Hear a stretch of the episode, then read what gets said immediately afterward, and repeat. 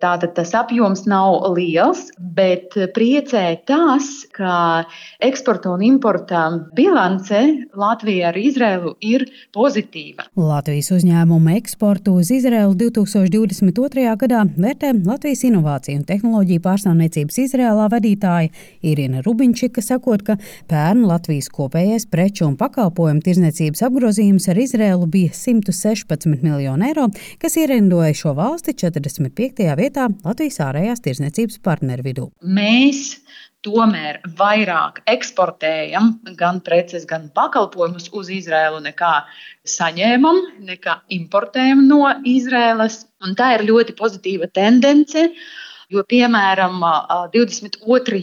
gadā mūsu eksporta pieaugums eh, pārsniedza 60% ar Izrēlu. Irīna Rubinčika stāsta, ka izrāviens saistāms ar pandēmijas laika izaugsmi, jo bija uzņēmumi, kas izmantoja iespēju. Piemēram, medicīnā, medicīnas preces, farmācijas preces eksportēt uz Izrēlu un tas arī mums ir palīdzējis. Bet arī pārtikas produktu eksports ir pieaudzis apjomā, kur saldumi un mūsu zefīrs 22. gadā ir sitis rekordus. Uz jautājumu, kā palestīniešu islāmistu grupējumu Hamas uzbrukums Izrēlē ietekmē eksporta darījumus, Irina Rubiņčika teica, ka pirmkārt būs jāsaskaras ar loģistikas problēmām. Noteikti ir jāgaida kādi sarežģījumi, jo, piemēram, Air Baltica, mūsu avio kompānija, pārtrauca lidojumus dotie brīdī uz Izrēlu, jo tas nav droši.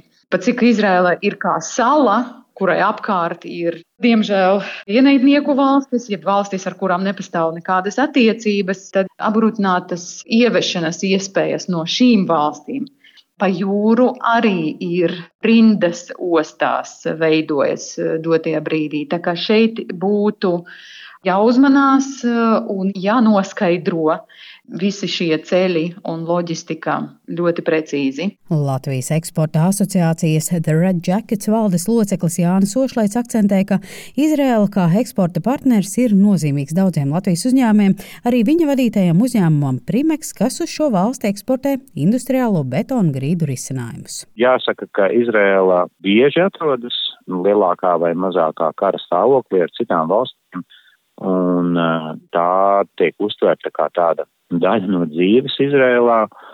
Tādēļ, kad notiek karš, jau neapstājās kā rūpniecisko uzņēmumu vai cita saimnieciskā darbība. Vienlaikus Ošlais akcentē, ka šī brīža situācija ir nopietna un tā ietekmē arī uzņēmumus, kas no Latvijas eksportē uz Izrēlu. Arī mēs esam pārtraukuši darbu savus Izrēlā un gaidām līdz situācijas nomierināšanās. Tā kā no šāda viedokļa skatoties, protams, situācija ir apgrūtināta, bet es gribēju varbūt nedaudz uzsvērt, ka ekonomika nav apstājusies Izrēlā, lai arī, piemēram, mēs esam pārtraukuši savus darbus un visus latviešu darbiniekus, kas mums strādā Izrēlā, aizveduši atpakaļ uz Latviju. Tomēr nu, pašā Izrēlā cilvēki turpina strādāt, iet uz darbu, uz skolu. Faktu, ka kara darbība Izrēlā būtisku ietekmi uz eksporta darījumiem neatstāja, apliecina Līvānos bāzētā optiskās šķiedras uzņēmuma Lightgaisa Optics International vadītājs un līdziepašnieks Daumans Faproda.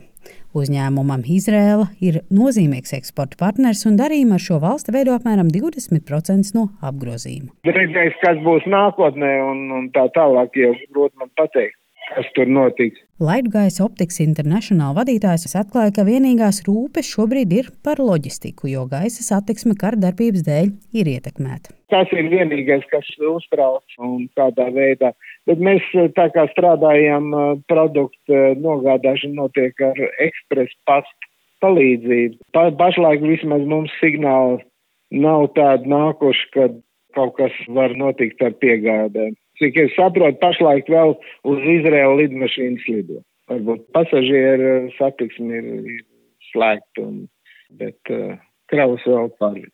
Savukārt Lijā pārstāve Izrēlā Irina Rumiņčika stāsta, ka pat labi apzina Latvijas eksportētājus, lai saprastu, ar kādām problēmām tie saskaras un kā grūtības ir iespējams risināt. Kopumā skatoties uz vispār pieņemto, kā saka, starptautisko juridisko praksi, Kara darbības ir force majeure apstākļi, kas vienmēr ir minēti visos līgumos. Es uh, ieteiktu diezgan operatīvi sazināties ar saviem partneriem šajā valstī un uh, nonākt pie kādas vienošanās savstarpējās kā tālāk uh, šo loģistiku izplānot. Lai nevienai no līguma slēdzēju pusēm nerastos zaudējumi. Linda Zalāne, Latvijas radio.